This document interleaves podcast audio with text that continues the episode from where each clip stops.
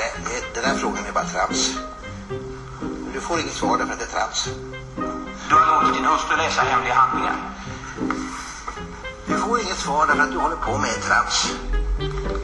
Jag tycker icke det ankommer på Carl Lidbom att fälla sådana yttranden här. Du ska veta hut när du är här. Punkt. Hej och välkomna till T1-podden våren 2018. Det är jag som är Patrik. Och det är jag som är Moa. Det intro som ni precis hörde eh, var ifrån en känd K-utfrågning mellan Anders Björk och Carl Lidbom i samband med eh, utredningen kring Olof Palme. Och den har ju blivit legendarisk mycket på grund av att den är väldigt rolig att lyssna på. Att det kanske inte riktigt så här vi är vana att höra våra politiker prata. Men den säger också någonting annat. Den säger någonting om riksdagens kontrollmakt. Nämligen vilken respekt ska vi ha inför den? Vilken uppgift har den? Ska de utfrågade eh, kunna trotsa kontrollmakten eller har de en skyldighet att, att så att säga respektera eh, de som kontrollerar regeringen? Och det är ett exempel på frågor och perspektiv som kan komma upp i den här podden. Men först kanske vi ska säga någonting om vilka vi är. Mm, det är trevligt. Jag har ju träffat de flesta studenterna och presenterat mig som Moa Kingström Dahlin på föreläsningen om juridik och etik. Eh, och då tror jag även att jag sa vad jag har forskat om tidigare. Mycket fokus på välfärdsrätt kan man säga. Men ofta med fokus på rättigheter för kanske lite utsatta och sårbara individer. Eh, till exempel skrev jag min avhandling om tvångsvård inom psykiatrin och så har jag skrivit om den rättsliga regleringen av forskning inom biobanker. Och då arbetade jag under en period uppe på medicinska fakulteten här i, i Uppsala och har även utbildat läkare och sjuksköterskor. Och till det kanske man kan lägga att jag nu också utbildar rektorer i skoljuridik.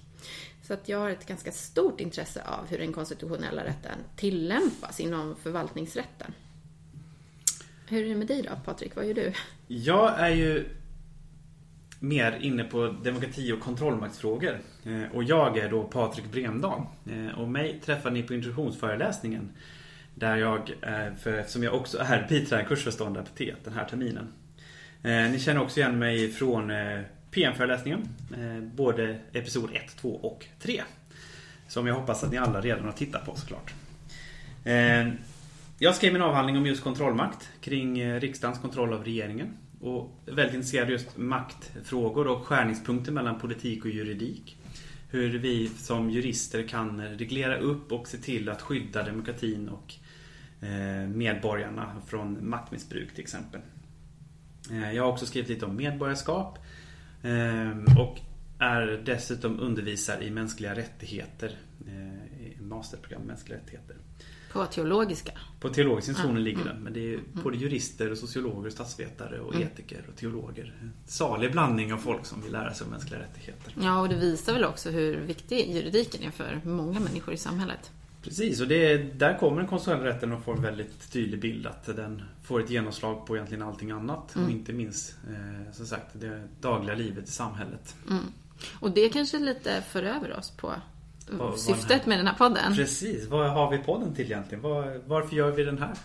Ja, men från början var det ju två olika anledningar. Det första var ju att kunna komplettera seminarieundervisningen så att studenterna kan ställa frågor kring litteraturen och frågor som man inte tyckte blev förtydligade under seminarietiden. Man undrar fortfarande någonting som känns svårt.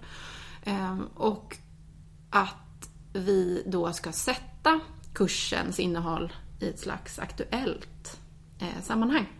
Dagliga frågor i media till exempel, vad som händer i samhället, att vi kan göra rättsliga analyser. Och bara diskutera vilka rättsliga frågor som blir aktuella. Mm. Det är inte alltid det finns ett svar på de saker Nej. som dyker upp utan att kunna diskutera och sätta in det i kontext precis som du säger. Ja, och så här i början av utbildningen till jurist så är det ju väldigt relevant och viktigt att kunna identifiera var det dyker upp rättsliga frågor. För det är ju så, jag brukar skoja om det, att man sätter på sig ett par juristglasögon och sen kan man aldrig mer ta av sig dem. Att man liksom kliver över en slags tröskel i förståelse för juridiken och sen ser man juridik överallt.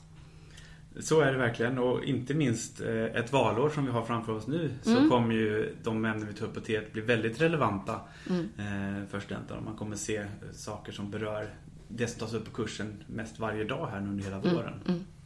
Och kanske inte bara rättsregler utan också det här mer övergripande förståelsen om relationen mellan juridik och politik ju. Ja, verkligen. Och det är som sagt tycker jag är jätteroligt. Valrörelse är alltid spännande och det dyker upp massor av Mm. roliga frågor. Eh, Både när det gäller dagligpolitiken och också kontrollmakten som blir lite mer aktuell inför valet av något, eh, Mm. något skäl. Och det roliga har ju varit tidigare att du har kunnat analysera de rättsliga frågorna ur ditt perspektiv och jag lite grann ur mitt perspektiv. Så vi ser ju också lite olika frågor Ja, beroende på vår olika bakgrund. Och det ska vi säga att vi behöver ju studenternas hjälp. Mm. Alla ni som lyssnar på podden, framförallt ni som går T1. Att skicka in frågor kring seminariematerialet eller seminarierna, föreläsningarna. Någonting som tycker fortfarande kan vara lite otydligt som ni vill ha lite förtydligande kring eller en diskussion kring på ett eller annat sätt. Ehm, och också givetvis aktuella frågor. Nu måste vi ju förstås säga hur man ställer frågorna till oss.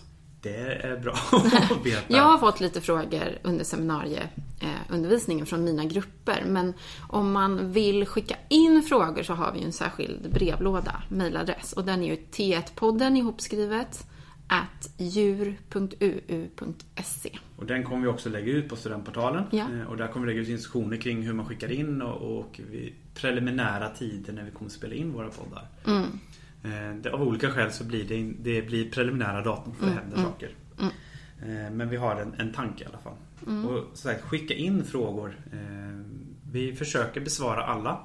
Och de vi inte besvarar försöker vi åtminstone säga någonting om varför vi inte besvarar dem. Eh, Mm. För att, det kommer vara lite mer allmänna diskussioner. Det kommer inte vara detaljfrågor på det sättet. Plinget som ni hörde betyder att nu byter vi ämne. Och då tänkte vi säga någonting om planerna för den här vårens poddar. Vi vill ju som vi sa ha ämnen av er. Och jag har redan fått förslaget att vi borde säga någonting om åldersbestämningar som ju är en väldigt omdebatterad fråga. Vi måste kanske suga lite på karamellen där och fundera på hur vi ska diskutera det och lägga upp det med, med koppling till den konstitutionella rätten. Men det jag liksom direkt tänker på är faktiskt artikel 8 och skyddet för privat och familjeliv. Vad får man göra för ingripanden i unga människors liv utan deras samtycke? Och kan man tala om en frivillighet och ett giltigt samtycke i de här sammanhangen? Det... Är så många frågor i åldersbestämningar. Och Mm, Även då asylfrågan och allt som har med den att göra. Möjligheten att få och inte få asyl. Eh, som är kopplat, förutom rent migrationsrättsligt, också till massa rättigheter. Europakonventionen, rätten till liv och skydd mot omänsklig förnedrande behandling. Artikel Mm. 2 och 3 och så vidare. Så det finns jättemycket och även då förvaltningsrättsliga frågor. Vad är ett beslut och inte beslut? När får man överklaga och inte överklaga? Mm. Ja, Det finns rättssäkerhetsfrågor av konstitutionell valör skulle man kunna säga. Precis, så att det, är, det, sagt, det är en eh, karamell värd att suga på. Men Ja. vi återkommer till den eftersom Ja. vi har fått, eh, fått den från studenterna. Mm, men vi behöver lägga upp det lite mer strukturerat tror jag för att kunna ge någon intressant vinkel på det. Men vi kanske kan bara koppla det som exempel redan på en gång till att du och jag har ju verkligen ambitionen att avdramatisera det rättsliga samtalet. Ja, förstår lite. Hur kan man prata juridik? Det, det är inte alltid på blodigt allvar. Nej, dels man kan det. resonera, Mm. man måste inte alltid ha rätt. Man kan Nej. säga fel. Men just det här resonerande rättsliga samtalet Mm. det är också en viktig del att ha med sig som, som jurist. Ja, och, och se att beroende på vilket perspektiv man utgår ifrån så kan man komma till olika svar.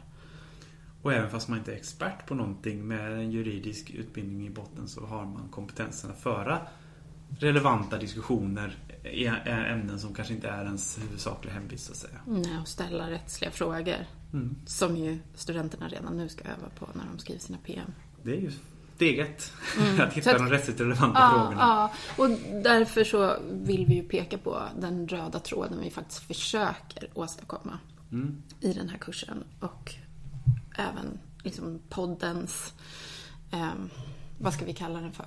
Poddens funktion i det avseendet. Ja, att både att komplettera Mm. eh, så att säga, det som ni lär er i seminariematerial och så vidare. Men också att fördjupa och visa på hur man kan resonera. Och Mm.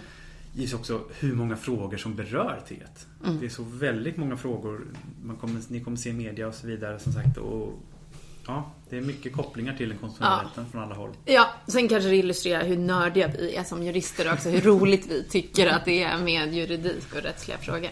Men okej, jag lämnar till dig då Patrik. Kan du ge några andra exempel på vad vi skulle kunna ta upp under våren? Ja, som sagt, vi är ju styrda av er studenter. Ni, ni ska komma med förslag, massor med förslag. Vi är tacksamma för allt. Eh, Men några saker som givetvis valrörelsen kör igång, som vi pratade om Mm. tidigare. Det kommer vi givetvis hålla koll på. Det kan dyka upp frågor där.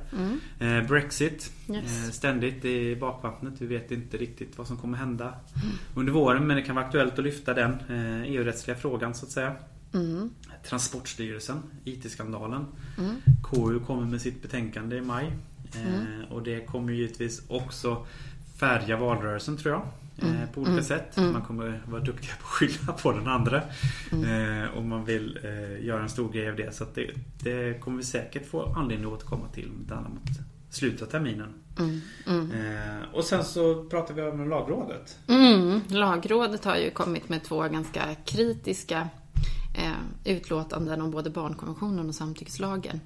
Ur ett rättsligt perspektiv då. Och det kopplar ju tydligt till dels vilken roll Lagrådet har i lagstiftningsprocessen och i vad mån som man behöver lyssna på Lagrådet och dess synpunkter. Precis, vilken ställning har Lagrådet? Det är jättespännande för det är två väldigt politiskt heta och prestigefulla frågor. Man har ju Det här med barnkonventionen har ju sossarna verkligen lyft fram som en, en grej redan i regeringsförklaring och så vidare. Så här blir verkligen ett test på vilken eh, Gud ja. status de har. Och jag tänker Barnombudsmannen som driver den här frågan ganska hårt. Att det är bra att införa barnkonventionen medan ju Barnrättscentrum på Stockholms universitet är oerhört kritiska. Eh, ur ett internationellt rättsligt perspektiv och innebörden ens för barnkonventionen i liksom den nya synen på barn. För att barnkonventionen har uppstått i en gammal kontext och så Ja. vidare. Men förhoppningen är väl där att vi ska få någon gäst Precis. för att kommentera det här. Någon eh, som har lite fördjupade kunskaper kring eh, de här frågorna. Kring barnkonventionen. Ja, och implementering av FN-konventioner i svensk Precis, rätt. folkrätten och folkrättens förhållande till Mm. då den konstitutionella rätten. eh, Och hur man hoppar ifrån folkrätt till nationell rätt. Och där kan man väl kanske säga då att barnkonventionen lämpar sig bättre för den här kursen än samtyckeslagen egentligen, även om det också väcker intressanta frågor ur ett rättssäkerhetsperspektiv och bevisperspektiv. Men Så med, ganska samtyckeslagen kan vi också sätta i perspektiv som är i den diskussion som pågår nu i skvall, skvallvågorna, Mm. skvallvågorna efter metoo-rörelsen. Ja. Och, och för juristvärlden då med vilken rätt eh, som var metoo-uppropet inom Mm. juristvärlden. Att samtyckeslagen är ju en del utav den diskussionen Ja, också. absolut. Eh, Så det, det är viktiga frågor att koppla ihop så man ser Just det i sitt perspektiv. Ja. Vilket igen gör samtyckeslagen också väldigt politiskt Ja. laddad just nu. Mm, Eh, I förhållande till, till den kontext som finns. Och vi skulle ju kunna diskutera det också utifrån olika lagstiftningstekniker och värdet av pedagogisk lagstiftning, signalpolitik i någon mening. Vad, vad är lagstiftning? Vad är juridik? Vilken typ av konsekvenser kan juridiska formuleringar och ställningstaganden få? Det var ju jag inne på ganska mycket med min föreläsning om etik och juridik. Att se vilka värden som är inbyggda och försvarade eller skyddade i vårt rättssystem. Och hur de här olika värdena kan ju komma i konflikt med varandra också. Verkligen. Och det är viktiga bitar att ha med som jurist. Att hela tiden vara kritisk mot de rättsregler som finns och de förslag som kommer. Se precis vad du säger. Vad ligger bakom det här? Mm. Vad är syftena? Vad finns det för ambitioner och, och maktstrukturer bakom de förslag som kommer? Mm. Ni var ju uppe på senaste seminariet. Det här med att delegera eh, blankettstraffbud och så vidare. Eller, eller tolkningen av vissa begrepp. Det handlar om föreskriftsmakt för både kommuner och för förvaltningsmyndigheter. Vad händer om liksom, normgivningen hamnar långt ner i normhierarkin? Att, att makten liksom förflyttas från folket. Och vem har kontroll över utfallet? Ja, så det, vi kan ju koppla tillbaka de allra flesta frågorna till våra seminariediskussioner. Jo, det kan jag säga med samtyckeslagen också som ju är ett utfall egentligen av ett rättsfall från Europadomstolen. Mm. Eh, MC mot Bulgarien som, som var startskottet egentligen för, för den här diskussionen i hela Europa med samtyckeslagstiftning. Eh, Så att det är ju kopplat tillbaka till det som ni börjar komma in på nu på seminarierna med, Mm. med MR-frågor och EKMR-ställning och positiva skyldigheter och så vidare. Så att Ja. Är- som ni, som ja. ni märker, det finns många, Mm. alla frågor har väldigt många bottnar och det finns Ja. många håll att attackera dem ifrån. En, en sak som vi skulle kunna säga någonting om nu redan, det är ju det här med den sparkade polischefen. Ja, precis. Eliasson som Mm. fick lämna polisen med buller och bång efter ganska stark intern kritik Mm. mot hans sätt att styra eh, myndigheten. Eh, och eh, vaknade upp eh, samma dag som chef för en annan av Sveriges största myndigheter, MSB. Eh, Myndigheten för samhällsskydd och beredskap. Precis. Ehm, och vad säger det om utnämningsmakten? Att man sparkas för att man inte Ska vi hårdra det då enligt de anställda riktigt klarar av att styra myndigheten så som den borde och så blir man chef för en annan lika stor och viktig myndighet för, för samhällsskyddet. Ja. Eh, vad säger det om utnämningsmakten? ja, och att utnämningsmakten är en form av styrning från regeringen som är ganska långtgående. Verkligen, det är en, en väldigt viktig del utav regeringens möjlighet att styra sina myndigheter. Är just att de väljer vem som är chef och hur styrningen utav en myndighet ska se ut. Om det ska vara en generaldirektör eller styrelse, om det ska finnas insynsråd eller inte. Det finns massa valmöjligheter som regeringen har in i när det gäller eh, hur man organiserar sina myndigheter. Och, och chefen, generaldirektören, blir ju symbolen från regeringen också. Givetvis regeringens möjligheter att ha kontroll över myndigheten. Om det är en, ska vi säga, välvilligt inställd generaldirektör eller inte. Mm, mm, verkligen. En annan fråga skulle ju kunna vara eh, en gång till, det tog vi upp förra terminen, eh, tiggeriförbud, att införa det. Hur, hur går det till rent normgivnings, eh, utifrån ett normgivningsperspektiv men också kanske minoritetsskydd? Eh, romer, är det en, en folkgrupp som är skyddad i, i svensk rätt eller internationellt? Hur, hur förhåller sig det till de här reglerna? Kan man koppla ihop det på något sätt? Är det fråga om rättighetsbegränsningar när man förbjuder tiggeri? Kan man tala om yttrandefrihet, att säga att man är fattig och be om pengar? Eller vad är det för någonting som händer Och det där? är ju jätteaktuellt nu med tanke på eh, Vellinge kommun som precis då har fått avslag eh, Mm. i även först utav Länsstyrelsen nu förvaltningsrätten och har sagt att de tänker driva det vidare enligt politiken hela vägen till Europa om det är, Mm. Okej. eh, går. Ja, då kanske vi behöver förklara där hur det ska gå till också. Ja, det får Mm. vi se. Jag vet inte riktigt hur det ska gå till eh, att dra det hela vägen till Europa. Eh, men det är uttalanden från lokalpolitiker. Men Mm. troligtvis kommer de åtminstone överklaga förvaltningsrättens eh, beslut. Mm. Ehm, och sagt, det är, en del utav det är det här med ordningsstörning, en annan är sagt rättigheterna för dem som, som blir undanskuffade. Och Mm. vart är den här lagstiftningen egentligen riktad udden mot? Precis som du är inne på med, med romer och minoriteter. Mm, mm. Ehm, för att avsluta kanske vi ska bara liksom lobba för nästa eh, podd. Ja, Vad kommer då? Då tänkte vi prata studieteknik Mm. och eh, seminariearbete och, och varför vår utbildning ser ut som den gör. Just det. Upplägget, grupparbetet, syfte och eh, den muntliga framställningen och övningen där, eller hur? Ja, och lite studieteknik, hur man ska tänka kring sina studier, lägga upp terminen, vad man Mm. ska lägga fokus på, hur mycket arbete man behöver lägga ner. Mm. Eh, Och förhoppningen är att vi har lite gäster också. Just det, kanske några studenter från tidigare terminer som har goda erfarenheter av att studera med goda resultat och hur de har angripit terminen. Precis, och kanske även någon lärare med eh, god pedagogisk förmåga. Mm. Vi har ju några som har vunnit pedagogiska priser på eh, fakulteten och då hoppas vi få med oss någon av dem. Mm. Ska vi avsluta där för idag och så vänta på ytterligare frågor från studenter för att ta oss vidare därifrån framöver? Ja, så gå in på portalen, läs instruktionerna, mejla in frågor eh, och sen så kommer nästa podd i eh, början, mitten av mars. Där är då studieteknik och studiearbete, seminariearbete i fokus. Yes. Tack för idag. Tack för idag!